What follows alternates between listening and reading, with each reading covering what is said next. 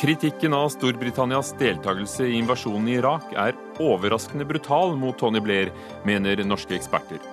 Jeg handlet i god tro, sier landets tidligere statsminister, etter at den 6000 sider tykke Chilcot-rapporten ble lagt frem i dag.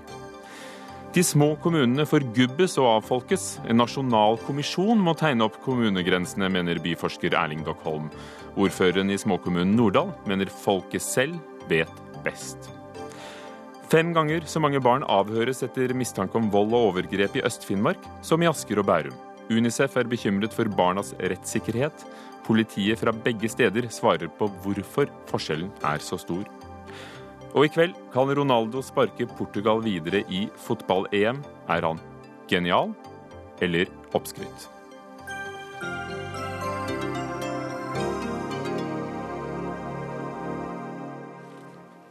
Velkommen til Dagsnytt 18 i NRK2 og NRK P2 med Ugo Fermariello i studio. Storbritannias beslutning om å delta i krigen i Irak i 2003 var basert på feilaktig etterretning og en planlegging som var helt utilstrekkelig. Det konkluderer den offisielle britiske Irak-granskingen, ledet av John Chilcott, sir John, som i dag la frem den tolv bind tykke rapporten på 6000 sider, 2,6 millioner ord. Rapporten slår altså fast at Storbritannia var med på den amerikanskledede invasjonen i 2003 uten at det var forankret i regjeringen eller i bevis på at Irak hadde masseødeleggelsesvåpen. Og mange har ventet på å få belyst eh, daværende statsminister Tony Blairs rolle, om han har snakket sant eller ei. Sofie Høgestøl, stipendiat og forsker ved Norsk senter for menneskerettigheter ved Universitetet i Oslo.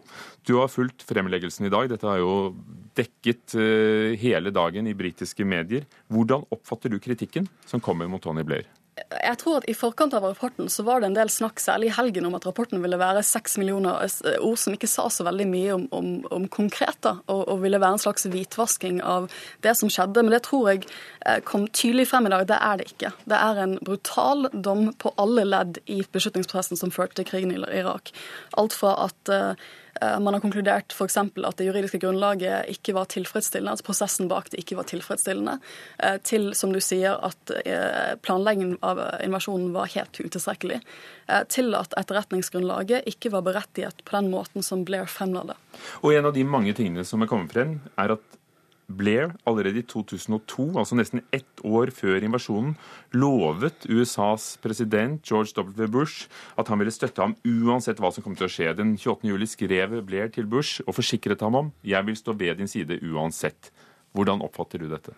Jeg så på pressekonferansen som Blair holdt rett før jeg kom hit, og det var en svært preget tidligere statsminister. Han var så å si på gråten under store deler av pressekonferansen og mener selv at, at den setningen ikke kan, ikke kan, leses som en sånn fullmakt eller blankofullmakt til George W. Bush. Men jeg tror at for de fleste i Storbritannia så vil de mene at det, det bekrefter den oppfatningen vi har hatt i forkant av krigen, om at Blair allerede hadde bestemt seg for å gå til krig i 2002. For han sier altså i dag på denne pressekonferansen at han vil ta fullt ansvar for alle feil han har gjort i forbindelse med krigen, men uten å komme med unnskyldninger. La oss høre på ham selv. There were no lies. Parliament and cabinet were not misled. There was no secret commitment to war. Intelligence was not falsified, and the decision was made in good faith. Jeg handlet i god tro. Avgjørelsen var tatt i god tro. Kabinettet ble ikke uh, villedet. Uh, det var ingen løgne, sier han. Christian Berg Harpviken, direktør ved Institutt for fredsforskning, PRIO.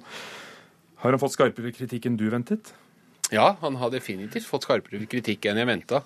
Det jeg syns er veldig interessant med å høre på Blair her, er at uh, bakenforliggende, og det kommer også fram i Shilcott-rapporten, så handlet ikke dette grunnleggende sett for Blair om intervensjonen i Irak.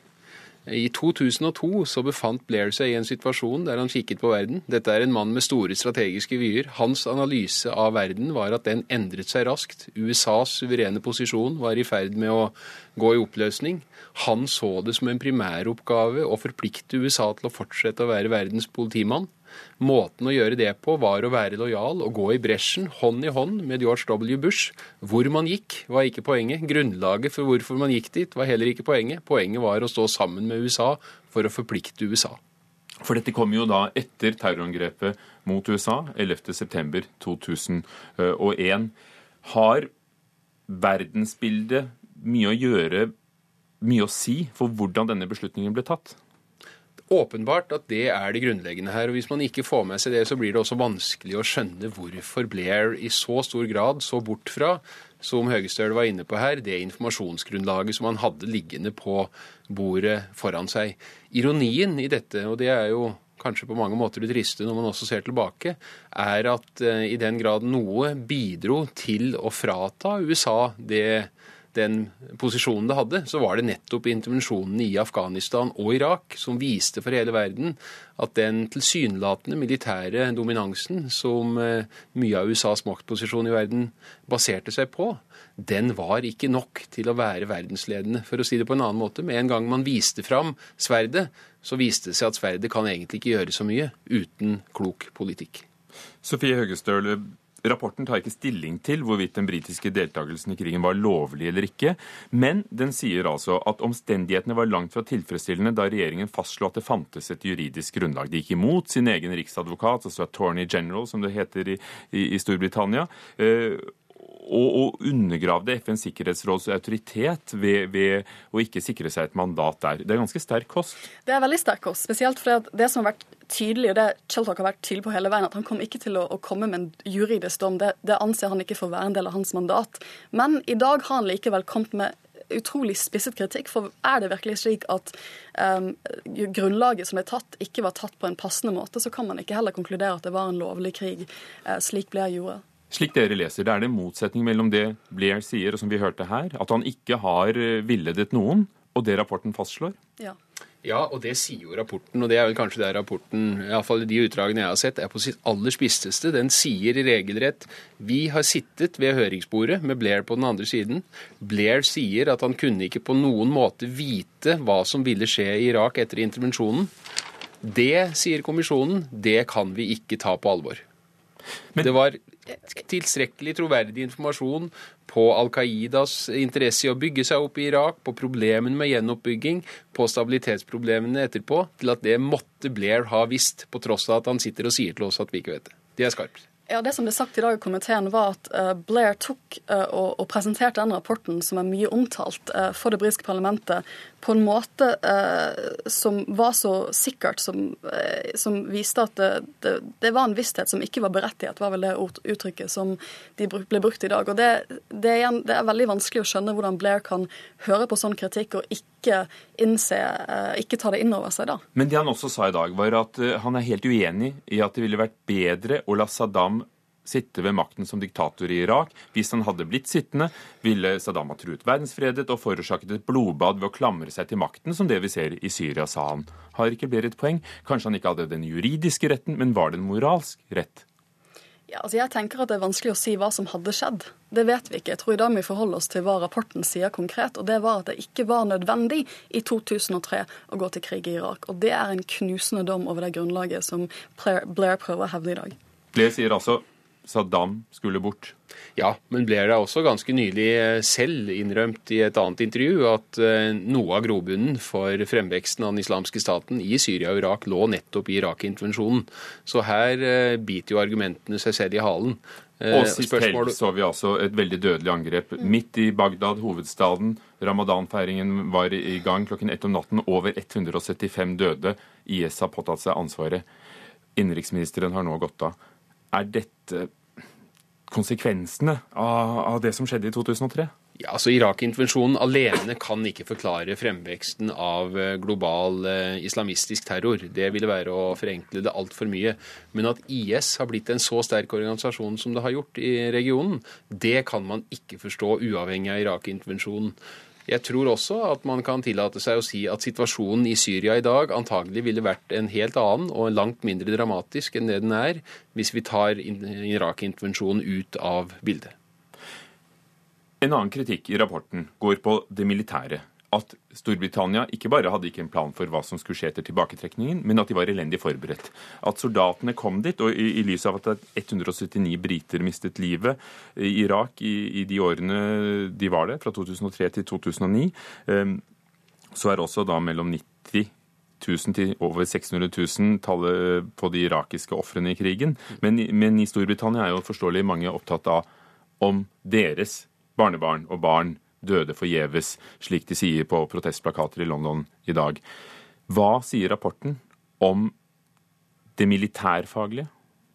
Nei, Den sier jo at det var eh, dårlig. Eh, forberedelsene på når det gjelder situasjonen i Irak og hvordan det skulle følges opp, har vi allerede vært inne på. Forberedelsene på når det gjaldt det, militære, det britiske militæres kompetanse og utstyr, er også rapporten knusende på. Ikke bare sier den at man var ikke forberedt på det tidspunktet man gikk inn, man brukte også utålelig lang tid på å klare å justere kursen og få på plass det utstyret som skulle til for å gi soldatene den beskyttelsen de hadde krav på. Dette kommer antagelig til å bli en av de aller tøffeste debattene i en britisk offentlighet. For her handler det om britiske liv, og det handler om britiske pårørende som kommer til å delta i den debatten med stor intensitet og sterke følelser. Ja, Det så vi allerede i dag, for rapporten har blitt diskutert i det britiske parlament. Og da sa også statsministeren at de hadde ikke godt nok equipment, at de hadde ikke godt nok materiell. De hadde ikke det de trengte for å gjøre den jobben som skulle gjøres i Irak. Og det er, som sagt, det har nok kostet britiske liv.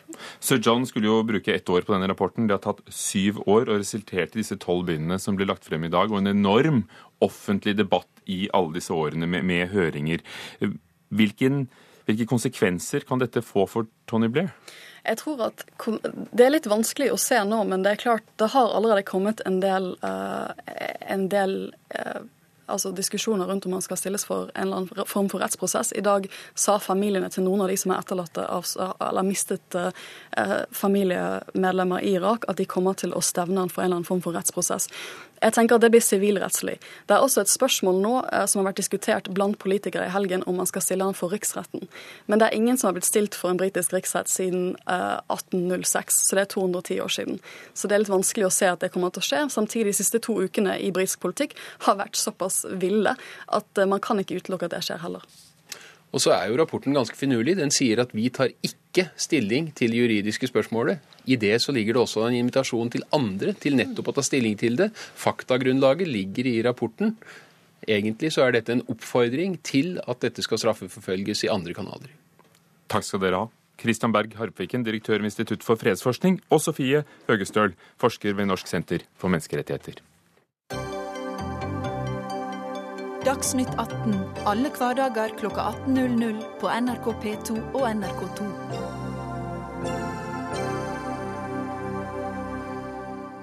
Det skal handle om kommunene i Norge.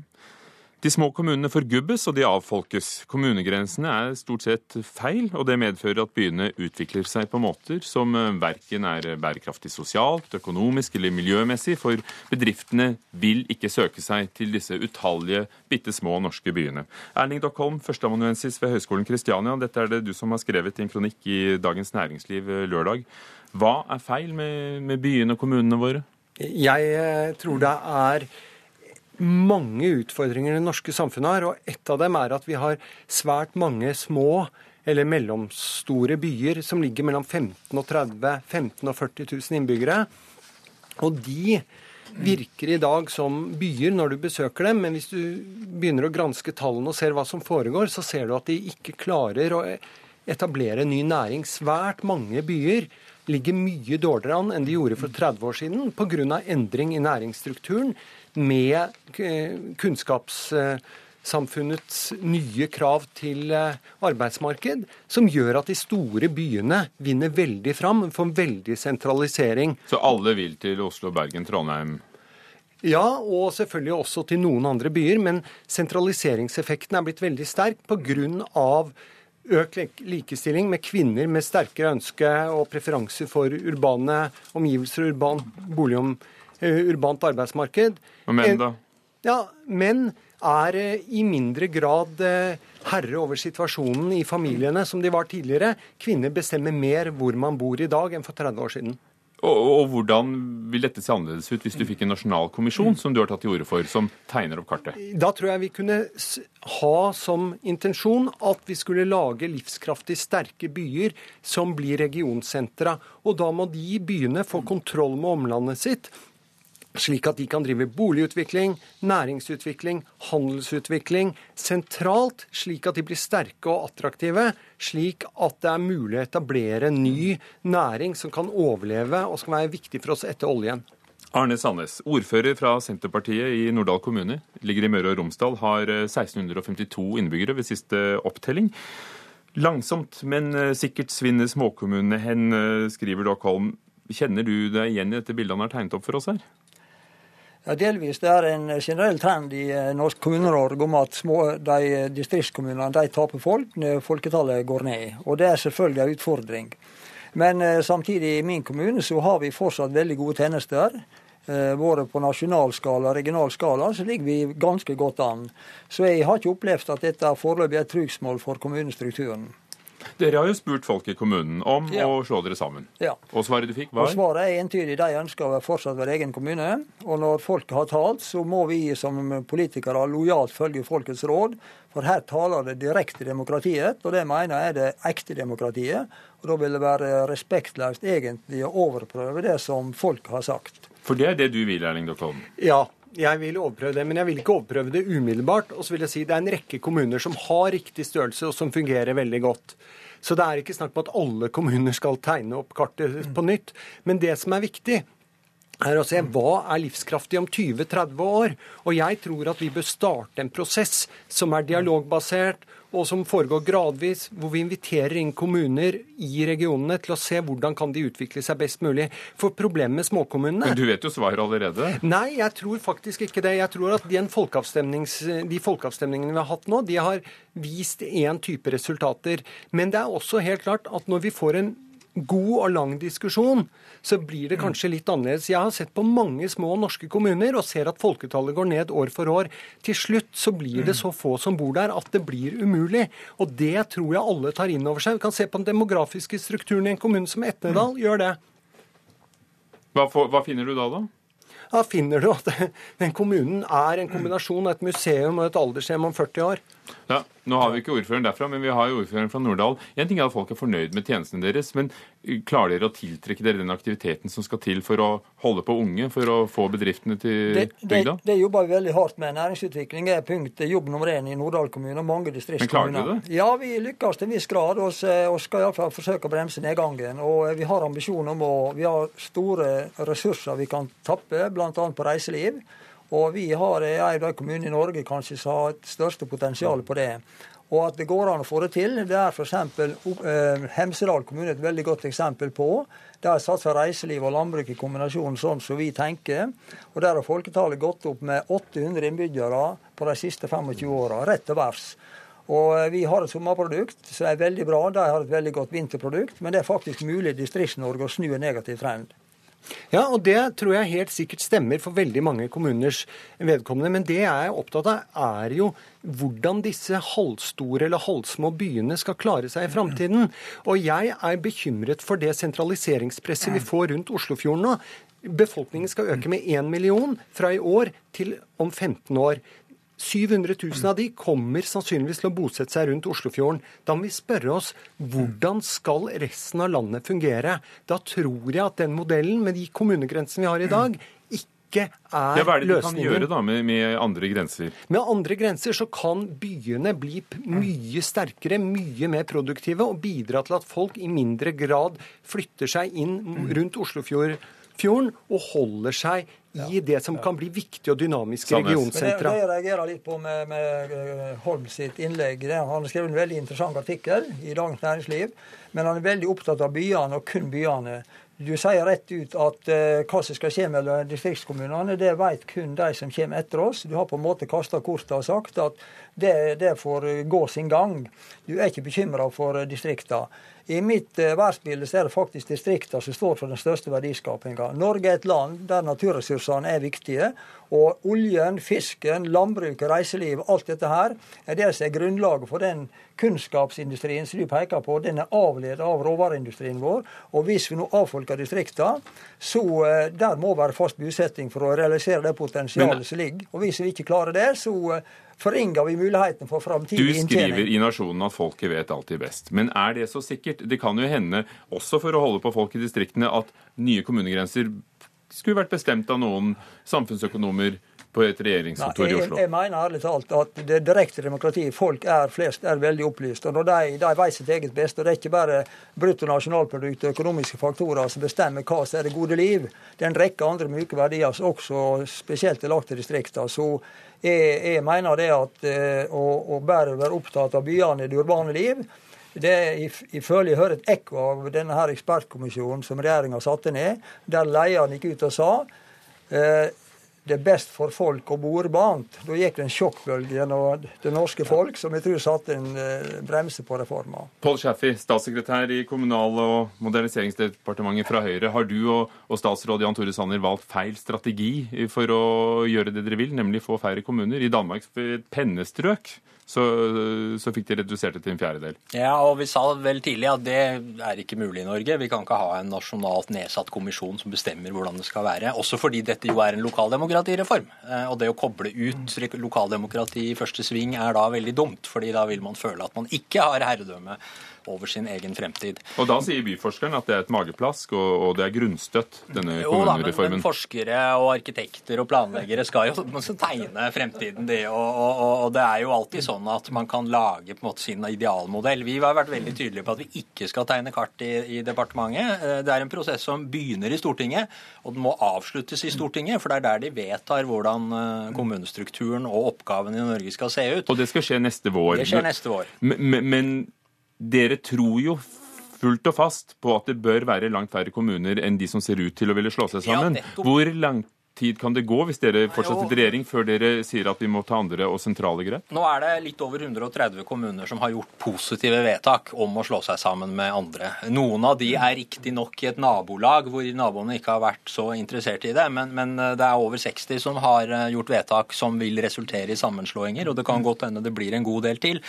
Så, så dette er et, et, godt resultat, men, men uh, vi håper jo det blir enda flere. og nå, liksom, Utgangspunktet nå er at vi har en kommunestruktur som sist ble endret på 1960-tallet, med helt andre oppgaver enn i dag, som skal håndtere en situasjon med lavere oljeinntekter og langt flere pensjonister i forhold til antall yrkesaktive. Men, da er vi nødt til å fortsette denne diskusjonen. Så du kan betrygge Arne Sandnes at dere kommer ikke til å se bort fra lokaldemokrati og folkeavstemninger? Nei, men, altså? men noen av disse folkeavstemningene har vært gjennomført med veldig lav valgdeltakelse. Noen har mm. tatt stilling til flere alternativer dere kan samtidig. Hende at dere ja, Det er Stortinget som tar beslutningen til slutt. Det vi har gjort nå, er jo å be fylkesmennene om faglige råd på hvordan det ser ut nå etter de frivillige vedtakene i de ulike regionene. Så går, går det til Stortinget. For som, Arne Sandnes, du skriver i Nasjonen som ordfører, så ville du fremstå som en narr og marionette hvis du skulle sett bort fra folkets anbefaling i denne saken. Det mener jeg ærlig talt de ville. For... Tror du det ville kunne skjedd? da? Det høres jo ikke sånn ut umiddelbart. Vel, jeg, vært, Vi opplever det på bygda nå, at, at uh, fylkesmannen og staten rasler med sablene i forhold til å bruke tvang. Men. Hørte du det her? Nei, jeg hørte ikke det her, men de antyder, det var litt, litt grann antydning her også. Men jeg, jeg, mener at eh, statssekretæren og statsråden sammen nå skal innrømme at dette her er et realt mageplask ta to steg tilbake og restarte. La oss nå få litt fred i kommunene og gjøre den jobben vi egentlig er tiltenkt. Den har stått på, på, på vent et helt år. Og så summer vi oss litt. Jeg mener at kommunestruktur er en prosess som bør gå som en evolusjon, ikke som en revolusjon. Og allerede starten her var uheldig. Og nå, nå mener vi det vil alltid være behov for regulering av grenser. Men nå, nå er nok nok, tror jeg veldig mange føler i Distrikts-Norge. Men altså, Det demokratiargumentet er selvfølgelig godt, men alle argumenter må settes opp mot noen andre ting. Og det som i hvert fall er mitt anliggende, er i like stor grad som ditt anliggende, er distriktene. Jeg er redd for at vi får en sterk avfolkning hvis vi ikke får sterke regionsentra. Og det er det jeg er opptatt av. Hadde jeg bare vært opptatt av Oslofjorden, så hadde jeg bare sagt la kommunestrukturen være som den er. For den vi har i dag, det er den fòrer Oslofjordområdet med enormt mye tilflytning. Det jeg ønsker, er jo å balansere dette og sørge for at hele landet blir tatt i bruk. Men, men du beskriver jo byer i artikkelen din som øh, øde westernbyer om natten der folk bor i eneboliger og handler på kjøpesentre og ingen går i gatene. Men hvis det er folk sånn vil bo, da? Ja, men Det er mulig at de vil bo sånn, men eh, jeg, for det første så er det sånn at når det blir svært mange eldre, så må de bo litt mer sentralt. For når du mister lappen, så kan du ikke bo sånn. Det blir 600 000 nye over 67 år de neste 20 årene som bare teller selv. Og det andre poenget her er jo at vi vet at høyutdannet arbeidskraft ønsker ikke å bo på steder hvor det ikke er litt mer liv. Og vi vet også fra forskningen at kunnskapsnæringene de klarer ikke å etablere seg i disse små stedene. Jeg mener at Norge er fra vår Herre skapt som, som, det er, og vi må stikke finger i jorda og finne ut at vi er et land med høye fjell og dype fjorder og vinterstengte veier. Vi kan ikke sammenligne oss med Danmark og Holland. Så det, jeg tenker at det Mangfold er faktisk en styrke for dette her landet. At vi utnytter det mangfoldet vi har i regionene våre. og Det går ikke an å lage et bysamfunn av Norge. Norge er rett og slett Men sterkere byer går vel an? Ja, det, det er jo an. byer rundt omkring Ja, i hele landet. kan, ja det, men vi må også ha en plan for landsbygda, for distriktene våre. For hvis ikke vi har eh, fast bosetting i distriktene, så vil vi ikke klare å ta ut det potensialet som ligger på reiseliv, på eh, mineralutvinning, på skogbruk, på olje, på fisk og på oppdrett. Pål Shaffey, by og land, hand i hand. Absolutt. Og, og Hvordan ser du for deg fremtiden? Hva, hva tror du du får lagt frem uh, om et års tid? mange sammenslåinger, og så kommer det kanskje noe evolusjon videre etter det også. For det er nok for lenge å vente 50 år mellom hver gang vi får kommunereform Men å i starte helt på nytt? Nei, det er ikke aktuelt. Og jeg tror heller ikke en modell med en statlig kommisjon som skal komme opp med alle svarene, og at de skal nikke til det rundt i kommunene er spesielt realistisk. Dette er en diskusjon som må gå i samspill mellom et nasjonalt behov for å ha likeverdige tjenester over hele landet og en lokal demokrati. Den går ikke lenger her, Neste gang må vi komme nedenfra, ikke ovenfra. Men jeg tror en sånn kommisjon kommer til å komme Takk nedenfra. Takk skal dere ha. Erling Dockholm, førsteamanuensis ved Høgskolen Kristiania. Arne Sandnes, ordfører i Norddal kommune for Senterpartiet, og Pål Chaffey, statssekretær i Kommunaldepartementet.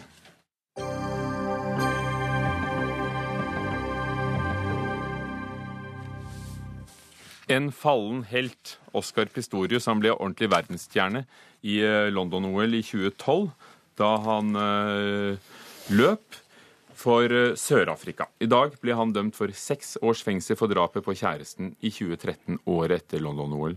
Dommeren fant ham skyldig i forsettlig drap, men straffen er likevel mye kortere enn mange hadde ventet. I Sør-Afrika er eh, minimumsstraffen for drap vanligvis 15 år. Liv Tørres, direktør ved Nobels fredssenter og en eh, kjenner av Sør-Afrika. Ville han fått en annen straff hvis han var svart? Eh, det er vanskelig å påstå. Men han ville nok muligens ha fått en annen straff om han hadde vært fattig.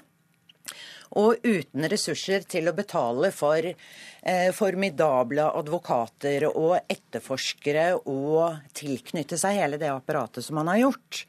Og sannsynligheten for å kunne gjøre det, den øker jo betydelig når du, når du er hvit. Så det besvarer jo for så vidt indirekte spørsmålet ditt.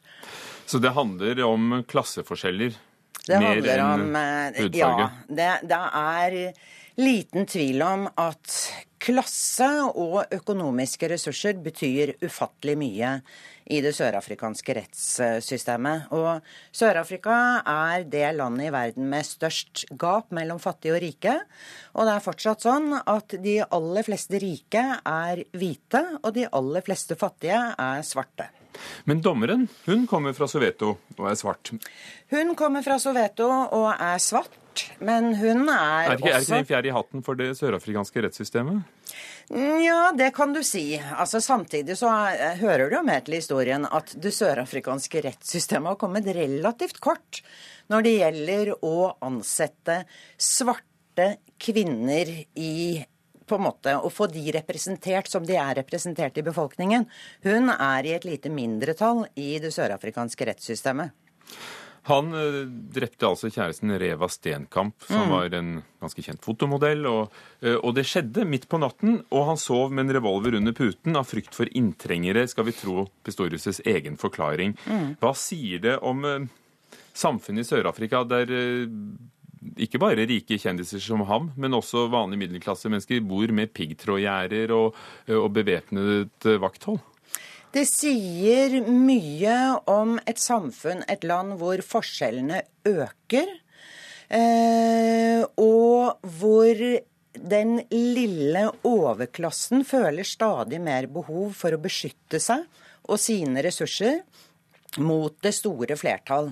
Så hører det jo også med til historien at Sør-Afrika er på toppen av verdensstatistikken når det gjelder eh, voldelig kriminalitet, eh, kjønnsbasert vold for øvrig, vold mot kvinner, voldtekter, ran osv. Altså 1000 kvinner blir drept av partnerne Ja, sine i. Sør-Afrika Ja. hvert år. Mm. Og så viser det seg at det store flertallet av partnerdrap aldri oppklares. Mm.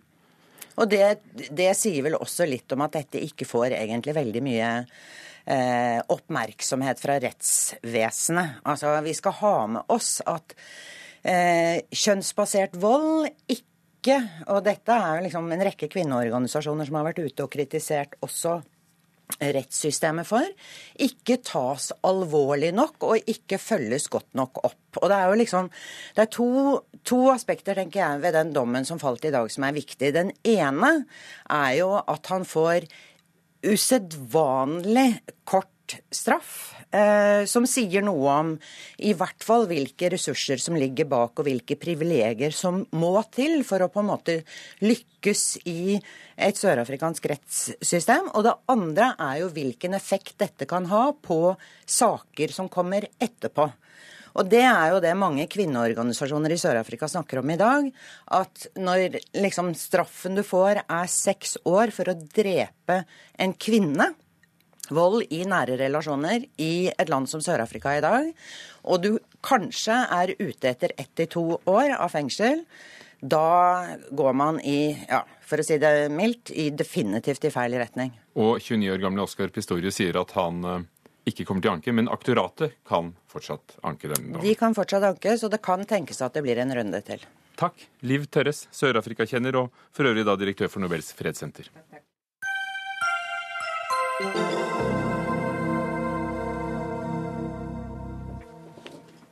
Det skal fortsatt handle om eh, vold i nære relasjoner. I Øst-Finnmark politidistrikt ble fem ganger så mange barn avhørt i volds- og overgrepssaker som i Asker og Bærum. Det viser tall fra Unicef gjengitt i Aftenposten denne uken.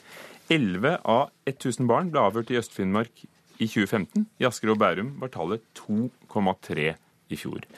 Ivar Stokkereit, juridisk rådgiver i Unicef. Hva betyr disse tallene for barn som kan være offer for vold og overgrep?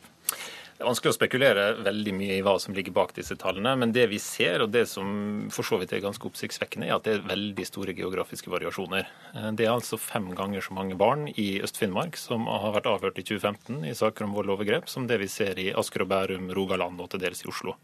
Eh, og Det vi ønsker å sette fokus på med, med å publisere disse tallene, og det vi har gjort når vi har henta inn, er jo, er jo for å se på om man har en likeverdig rettssikkerhet at barna har en likeverdig rettssikkerhet i hele landet. For dette er da avhør foretatt i disse barnehusene. Kan du si litt om hva det er?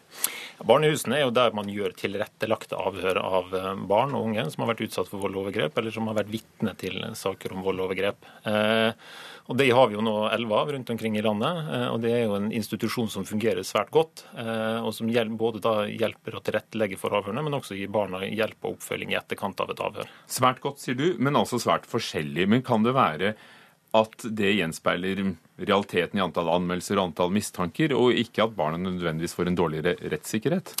Altså, Vi vet jo ikke. Eh, og det er jo Noe av grunnen til at vi ønsker å sette fokus på disse tallene, for å få opp en bredere debatt rundt hva er dette et uttrykk for. Eh, er dette et uttrykk for at man er flinkere til å avdekke og anmelde saker i noen deler av landet enn det man er i andre? I så fall så mener vi det er viktig at man går inn og ser på hvem er det som er gode på dette, og hvordan kan de andre politidistriktene lære av det. For det som er viktig, og det vi må etterstrebe, er å sikre at man har lik rettssikkerhet for barn i hele landet. Terje Nybø, visepolitimester i Oslo og leder for politiet i Asker og Bærum. Den undersøkelsen fulgte altså de gamle politidistriktene, altså snakker vi fortsatt om Asker og Bærum. Fem ganger så få avhør i Asker og Bærum, der du er leder, som i Finnmark. Gjør dere nok for å, å etterforske mistanker om vold og andre overgrep mot barn? Ja, jeg syns vi gjør det. Men eh, først vil jeg altså si at det er prisverdig at Unicef setter fokus på dette kriminalitetsområdet. Jeg vil bare si det at, For det er ganske slående forskjeller? Ja, det er slående. Men altså, politiet har veldig stort fokus på dette. og Ingen politimester eller politiledere i dag har unnlatt å ta inn over seg at bekjempelse av vold og overgrep mot barn er noe av det aller, aller viktigste vi gjør. Riksadvokaten har vært veldig tydelig på dette. Justisministeren har fulgt opp. Politidirektøren sendte ut eh, en formaning om det. Men ja. hvordan forklarer du da forskjellene? Ja, eh, Jeg vil bare si litt om selve forskjellene først. fordi at eh, Det er ikke sikkert at de forskjellene er en egnet indikator indikator på å se på hvor alvorlig politiet tar på disse sakene her. Og jeg mener at eh, Det er viktig å se på egentlig hva disse avhørene og statistikken som nå er presentert i Aftenposten, ikke sier. For den sier ingenting om kvaliteten i sakene. Den sier ingenting om antall tiltaler, siktelser og domfellelser. Så Eh, i møte med virkeligheten så blir denne statistikken ganske unyansert. Men jobber dere ikke ganske likt da, fra distrikt til distrikt? Jo da, vi jobber ganske likt, og vi prøver også å finne ut hva som er best practice. Hvem som er flinke på alle disse kriteriene, må vi se på. Men isolert sett så blir dette et dårlig eh, indikator på å se hvor alvorlig politiet ser på eh, kriminalitetsområdet. For det gjør vi over hele landet. Det er det liksom fokus nummer én overalt nå. Morten Daa, fungerende politimester i Finnmark politidistrikt. Hvordan vil du forklare den store forskjellen i antall avhør? Det er det noe vi har begynt å se på akkurat nå. Fordi at Vi ser jo det at vi tar veldig mange avhør sammenligna med mange andre politidistrikt i Norge.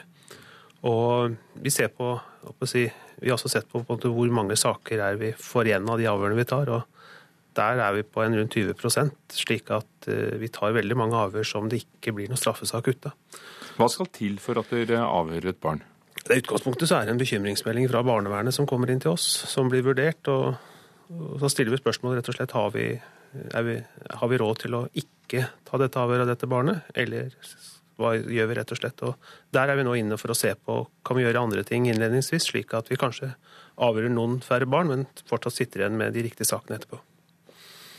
Når du hører dette, Ivar Stokkereit i Unicef, er det eh, måten politiet arbeider på, eh, dere vil sette søkelys på? Eller er det bekymringsmeldingene de får, at andre kanskje burde si fra oftere? Jeg tror det henger sammen. Eh, men jeg tror også det er et uttrykk for hvordan politiet jobber, i hvert fall i noen deler. Vi vet jo Erfaringsvis så vet vi at politiet i Troms og i Finnmark har vært veldig gode til å drive oppsøkende arbeid, informere barnehager, skoler, kommunale etater om viktigheten av å melde bekymringer videre til politiet, og, og være tydelig på at det er politiet som skal etterforske hvorvidt det har blitt begått en kriminell handling eller ikke. Så Det er nok et su suksesskriterium som jeg tenker det er viktig at de andre politidistriktene også tar med seg. Men så er det jo klart, og jeg er veldig glad for å høre at politiet i Asker og Bærum har et tydelig fokus på dette og prioriterer dette saksfeltet høyt. og Det gir jo også eh, et tydelig signal om at man også sannsynligvis kan forvente seg mye flere anmeldelser og avhør i Asker og Bærum i årene som kommer. Men det har jo vært en veldig villet politikk fra politiet sentralt, og det skulle bare mangle at de ikke mm. fulgte opp det. Men er du bekymret for at det finnes barn som går under radaren? Barn som, som lider, og hvis saker ikke blir oppklart? Jeg tror, at, jeg tror at den statistikken vi har når det gjelder omfang av vold og overgrep mot barn, tilsier at det er hundrevis, om ikke tusenvis, av barn i Norge eh, som utsettes for grov vold og seksuelle overgrep som vi ikke klarer å fange opp. Det vi må og ved å offentliggjøre denne statistikken som viser forskjellene i avhør i forskjellige deler av landet, antyder dere at det er flere som går under radaren i f.eks. Asker og Bærum Oslo enn i Finnmark og Troms? Ja, Det vet vi ingenting om. og jeg tenker det, det, Nei, Antyder det, dere det? Ja, altså, Vi antyder i hvert fall at de kan være flinkere til å få en anmeldelser i andre deler av landet enn det de er i Asker og Bærum. Det viser disse tallene helt tydelig. Og Da er det viktig at politiet i Asker og Bærum, når de nå har stort fokus på dette, at de bidrar til å ha en god dialog med skolene eh, i lokalmiljøet, med barnehagene, med de kommunale barnevernstjenestene, og for å sikre at de meldingene eller de mistankene disse personene sitter med, blir meldt direkte til politiet, sånn at de får etterforske om det har blitt begått alvorlige kriminelle handlinger. og sånn at de kan ta disse sakene videre. For, for, for, for det, ja, nå hører vi jo da, at, Terje Nybø, vi hører jo da at dere, dere, som i Finnmark, prioriterer dette området slik dere skal. Og så Likevel sitter vi igjen med at dere da uh, har så mange færre avhør av barn. Ja. Eh, Morten Daas, eh, min kollega i Finnmark, sa noe om akkurat dette. For Vi kan altså ha noen saker som inneholder veldig mange avhør, og vi kan ha noen saker som inneholder få avhør. Og Det er en veldig viktig eh, forskjell å se på akkurat dette. Og Da kan vi ha altså politidistrikter som har mange tilrettelagte avhør, men kanskje ikke fullt så mange domfellelser i sakene, og vice versa med politidistrikt som har færre avhør, men flere domfellelser. Så Derfor jeg sier at akkurat denne statistikken den blir ikke så veldig god for å vise politiets fokus på dette. Så bare noen tall fra Asker og Bærum. I, 19, eh, i 2013 Fordi vi, vi hørte altså 20 eh, fører til domfellelser ja. i, i, Finnmark. Ja. Hvordan er det hos dere? Akkurat de tallene kan jeg ikke ta på sparket okay. akkurat her og nå. Men jeg kunne bare si at i 2013 så hadde vi 63 avhør. Vi hadde 95 i 2014. Vi hadde 103 i 2015. Og hittil i år har vi 94 avhør. Og det er en formidabel økning på disse avhørene. Dere har også sett på et, et, et, annet forhold, nemlig om politiet overholder, overholder fristene for å avhøre barn. Hva kom du til? Nei, altså Vi ser jo på, vi har jo i flere år sett på ventetiden for å få gjennomført tilrettelagt avhør. og nå har jo Stortinget vedtok jo i fjor nye frister. Det er en enukersfrist i de mest alvorlige sakene, og så har man en toukersfrist for, no, for når man skal avhøre barnet i de mindre alvorlige sakene, som, som Stortinget har valgt å, å kalle det. Eh, og det vi ser er jo at Seks av ti saker blir ikke tatt innenfor den fristen som Stortinget har satt. Og Der har vi også en alvorlig rettssikkerhetsutfordring. og der er det jo, og det på, på hvilken måte? Hvordan blir barna skadelidende? Ja, barna blir jo skadelidende fordi vi hvis man kommer sent i gang med etterforskningen og får gjennomført avhørene sent, så er det jo en fare for at en del voldssituasjoner kan fortsette.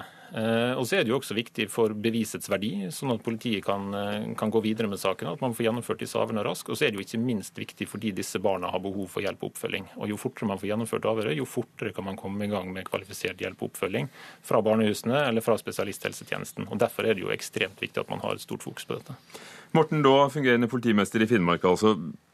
Kan det være at det er en høyere andel overgrepssaker i Finnmark i, i dette tilfellet? Det er vanskelig å si noe om. Eh, tradisjonelt så ligger Finnmark eh, høyere enn eh, landet ellers på, på, voldssaker. Så sånn sett kan man kanskje trekke den slutningen. Men det jeg velger å se, er at vi jobber godt med dette her. Vi har hatt et bevisst satsing de siste årene i hele Finnmark, hvor vi har jobbet aktivt mot alle kommunene for å ha fokus akkurat på denne type saker. Så vi velger å se at dette er et resultat av den satsingen vi har hatt på dette her. Takk skal dere ha. Både til deg, Morten Daa i Finnmark politidistrikt, Terje Nybø, visepolitimester i Oslo, og Ivar Stokkereit, juridisk rådgiver i Unicef. Hør Dagsnytt 18 når du vil. Radio NRK Radio.nrk.no.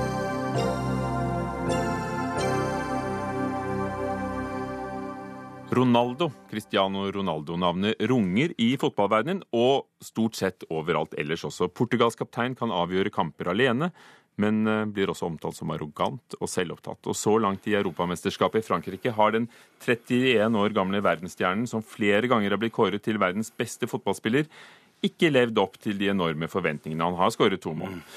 Er det Wales og Real Madrid-kollega Gareth Bale som får unngjelde i kveld, eller må den portugisiske fotballjuvelen Ronaldo, eh, som vanligvis bøtter i mål for klubblaget, gå av banen eh, nok en gang målløs. Tom Stalsberg, mhm. journalist, fotballelsker i Dagbladet. Hva sier du? Er det Ronaldo-genialitet i Lyon i kveld på stadion? Det kan det fort bli. Eh, hjernen min sier at det skjer en sånn som det skjedde med Frankrike-Island, at, at Portugal kommer til å vinne kraftig 4-0. Mitt gamle pubhjerte, som holder med alt som kommer fra det britiske øyet, sier nok at Wales kanskje vinner. Men når det gjelder Ronaldos genialitet, så er det ingen tvil om.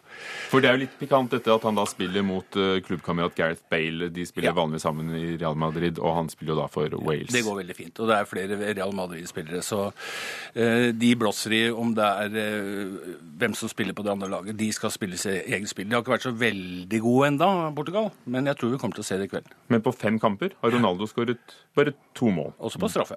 Altså han skåret på straffe.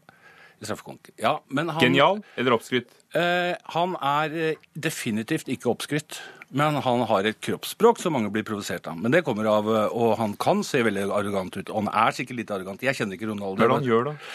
Nei, Det er kroppsspråket. Nå har ikke jeg hovedfag i kroppsspråk, men du ser Det er kroppsspråk. Altså, ja, han, han, omtales i, i Spania som Ferrari-kropp. Ja, Han er jo en fantastisk fotballspiller som absolutt har De som har levd de siste ti årene, har aldri sett bedre fotballspillere enn Ronaldo og Messi. Det er ingen tvil om. Eh, men vi som er fra Nord-Europa, vant til å, se fotball med knotta ført og vokste opp med engelsk fotball, som vi tør å ta et håndtrykk. Vi er ikke vant til det. Det er en kulturell referanse sør fra Alpene kroppsspråket Jeg leste et intervju i Verdens Gang her med en eh, portugisisk journalist som sa hva er det du snakker om? Det er sånn det er. Vi elsker Ronaldo. Så får han holde på som han vil.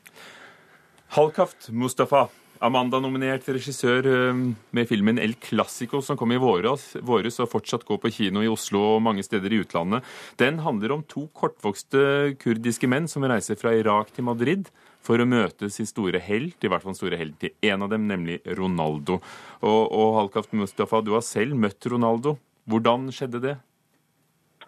Nei, altså Vi brukte nesten et år etter 1000 mailer, og jeg har hatt seks-syv turer til Spania. Så jeg tror til slutt så forstår de at vi ikke kommer til å gi oss. For jeg hadde lovet eh, hovedrollen at han skal få møte Ronaldo. Men for oss, han virker, kroppsspråket virker veldig arrogant. Men jeg fikk helt sjokk når jeg fikk møte Ronaldo, fordi han var veldig hyggelig, og han var et helt annet menneske i forhold til den Ronaldoen som vi kjenner fra media. Og han ville heller møte deg, eh, regissør fra Norge med eh, kurdisk, eh, irakisk kortvokst skuespiller, enn en modelldame? Fordi problemet er, som jeg har forstått fra agenten hans, og han har jo bare fire, fire timer i uke til fritider. Men den gangen vi var heldige at han bestemte for å velge det oss enn eh, de flotte damene. Men det var en annen ting også at eh, fra Real Madrids side de var veldig begeistret av prosjektet, og de likte det veldig godt, fordi de mente at filmen viste et, et positivt bilde av både Cristiano Ronaldo og Real Madrid. Så vi var heldige. Denne filmen, som handler altså, skal vi si det er en slags road movie fra, fra Kurdistan i Irak og, og til Madrid, hvor de trosser alle farer for å møte den store stjernen Ronaldo. Og, og den bygger jo på historien til disse to gutta som du møtte, og han ene hadde plakat av Ronaldo på veggen og, og dyrker Ronaldo. Hvordan forklarer du at Cristiano Ronaldo henger på uh, gutterommet i Irak og overalt ellers i verden? Absolutt, det var det som overraska meg, og det var det egentlig hovedgrunnen at når Ronaldo Messi spiller i Spania, så er det på en måte halvparten av verden som på en måte er opptatt av dette. Og de to brødrene, som alle andre fotballsportere i verden, er veldig som krangler døgnet rundt. Hvem som er verdens beste fotballspillere, Messi eller Cristiano Ronaldo. Og jeg tror egentlig største problemet til Ronaldo er jo at han lever i en tid hvor det, hvor det er Messi finnes også. At han lever i en tid sammen med Messi. Ellers, som dere har snakket om, jeg tror han er, han er fortsatt verdens beste fotballspiller. Tom Stalsberg, i dag ble Messi dømt til eh, 21 måneders eh, betinget fengsel for skatteunndragelse sammen med faren sin. Eh, Står det bare Ronaldo igjen, da? Nei, Nå slipper han å sone, da. Men det kunne vært veldig spennende hvis han måtte sone. Da kunne han fått veldig bra bedriftslag i det fengselet. Men eh, det er en, virkelig en rip i lakken for Messi. Men eh, når det gjelder Ronaldo, som vi skal se i kveld, som eh, Mustafa sier her, så er det jo fotball. Jeg hadde en kollega som var nettopp var i Nord-Irak, og de kommer ut av flyplassen. Det første de ser, er en stor poster av Wayne Rooney. Så fotballen er helt universell. Altså, den er, og takk og lov for mangfold og fotball. Den snakker alle språk. Hvilke kvaliteter eh, er det Ronaldo har, som du ser det, som gjør ham til, eh, Han til mer enn Nå, nå skal jeg være klisjéfullt. Han har alt. Han har spenst, han har styrke, han har looken, han har kroppen. Han kan skyte høykapabelt med begge bena. Han har en fotballforståelse. Eh, mange sier at han ikke er lagspiller. Han er en lagspiller, men samtidig, som jeg var, sa til å begynne med Vi i Nord-Europa som så vidt tør å klemme moren vår på konfirmasjonen, har et problem med den type kroppsspråk og holdninger. Men han er ingen tvil. Han er, en, han er verdens beste sammen med Messi. Og det er helt unikt at de to spiller samtidig. De gjør de begge to litt bedre enn de kanskje hadde vært hvis de hadde vært alene. Halvkaft, eh, Mustafa. Du får det samme spørsmålet som, eh, som Statsberg fikk i sted. Ronaldo, genial eller oppskrytt og hoven blei? Nei, altså, for meg er Ronaldo, for jeg ser det fra filmverdenen, så Ronaldo er jo en unik. Han, eh, han er en modell, han er en fotballspiller, som dere har sagt. Han er jo alt. Og jeg tror han kommer til å bli skuespiller etter fotballverdenen. Når skal du møte ham igjen, da? Da kan du jo tilby ham en rolle. Han er jo en skuespiller allerede på banen. Så. Ja, ja, absolutt. Og så, nei, vi skal ha en spansk premiere til den norske filmen i september. Det er ikke bekreftet dato, fordi vi har jo seks andre premierer ute i verden. Men det blir en eh, stor premiere, og jeg fikk en melding fra hans agent at Ronaldo gleder seg til premieren i Madrid. Og dette viser jo kanskje litt av, av sinnelaget hans, og, Ja og, og er eh, går litt mot det Ja da, vi må ikke på en måte dem som oppfatter ham som en blei. Vi må huske på at han nå i en, han er 31, i 15 år omtrent, har vært, eh, i hvert fall i 10-12 år, vært så stor stjerne. Alle vil ha en bit, og alle mener noe om han. Han må prøve å faktisk skjerme seg litt. Men han er god. Portugal-Wales spiller klokken 21 i kveld. Den kampen kan høres på NRK P1. Den kan visst også ses et eller annet sted. Ja, Eh, Tom Stalsberg, hva skal vi se etter? Vi skal se etter et eh, Portugal som kommer til å fremstå som et lag der juvelen kommer til å skinne. Men som sagt, jeg tror at Portugal kommer til å vinne stort, men mitt gamle pubhjerte håper litt på Wales òg. Og Gareth Bale. Takk. Tom Stalsberg, journalist i Dagbladet, og Halkaft Mustafa, regissør av filmen El Clásico.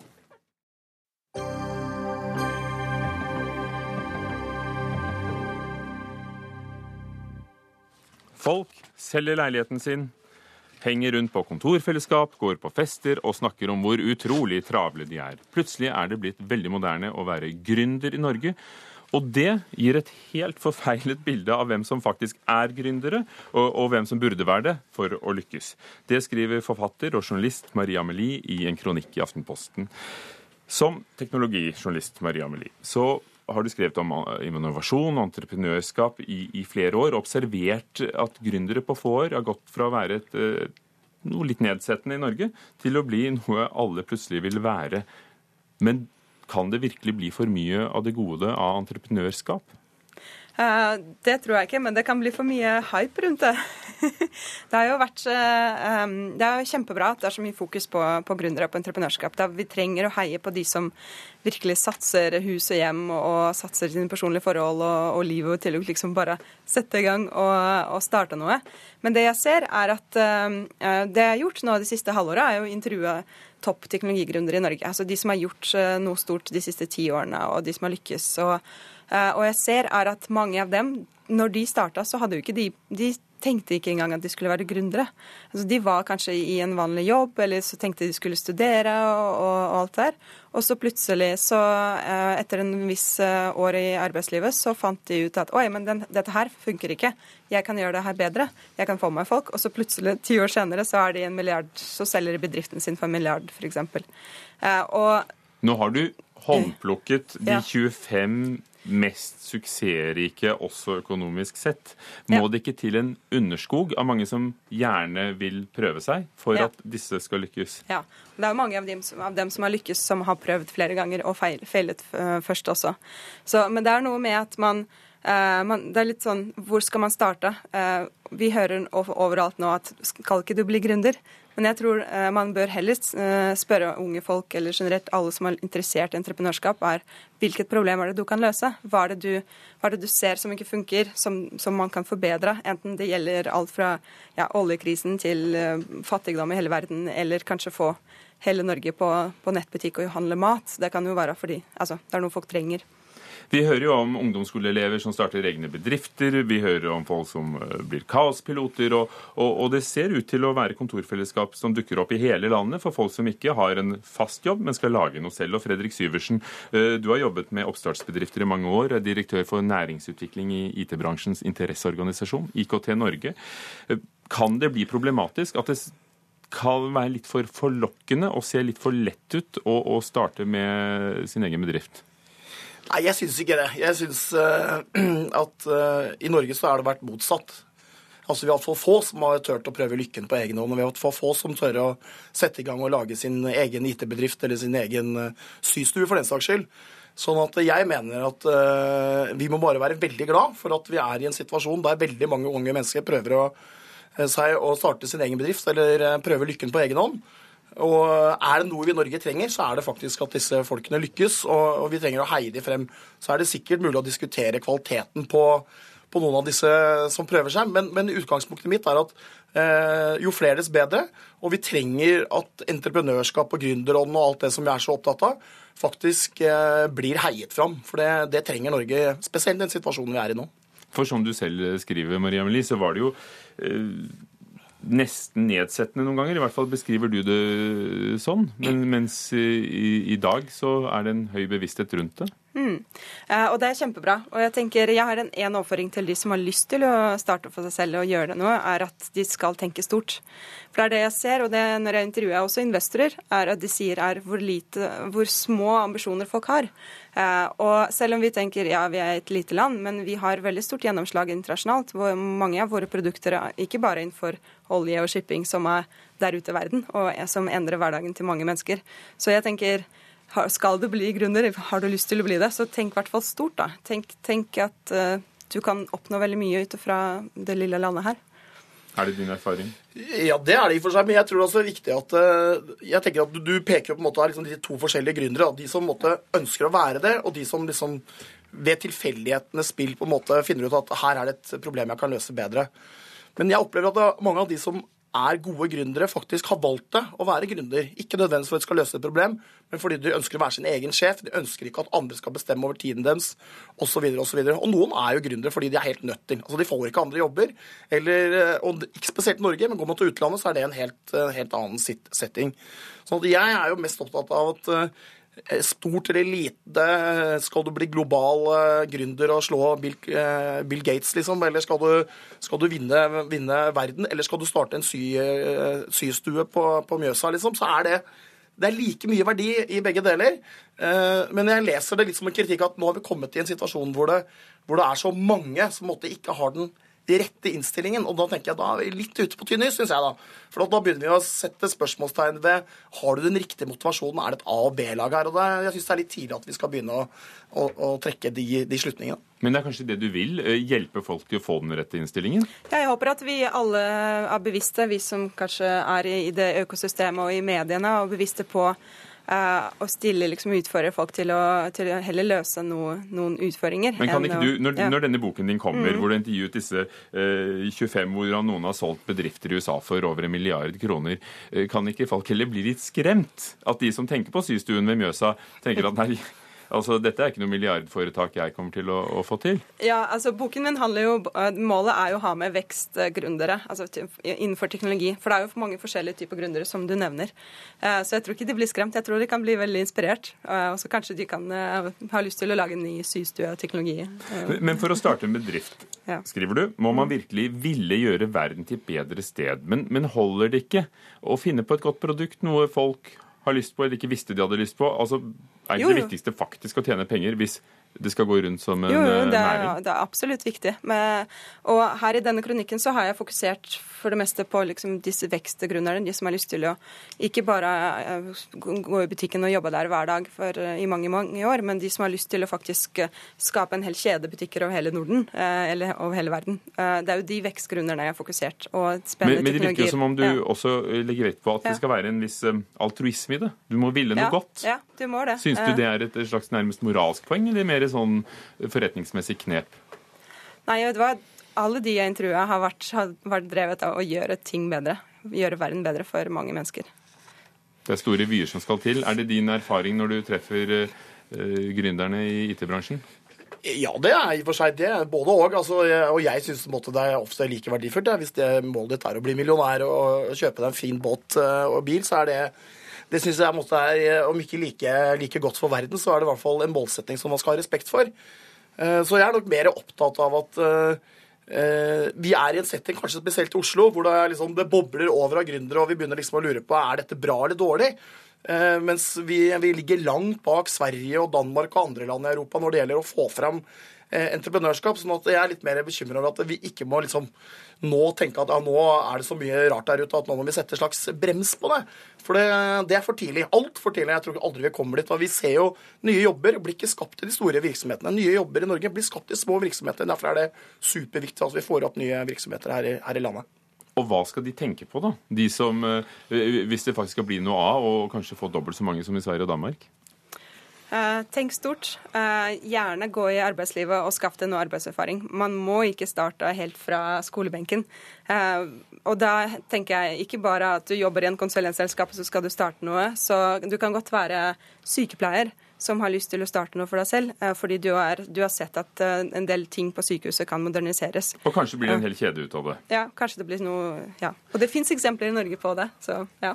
Det er annet en eh, dame som starta, som jobba som hjelpepleier, mye nattskift, og så bestemte hun seg for at eh, nå måtte hun lage en ny teknologi på de lakenene som var på sykehuset.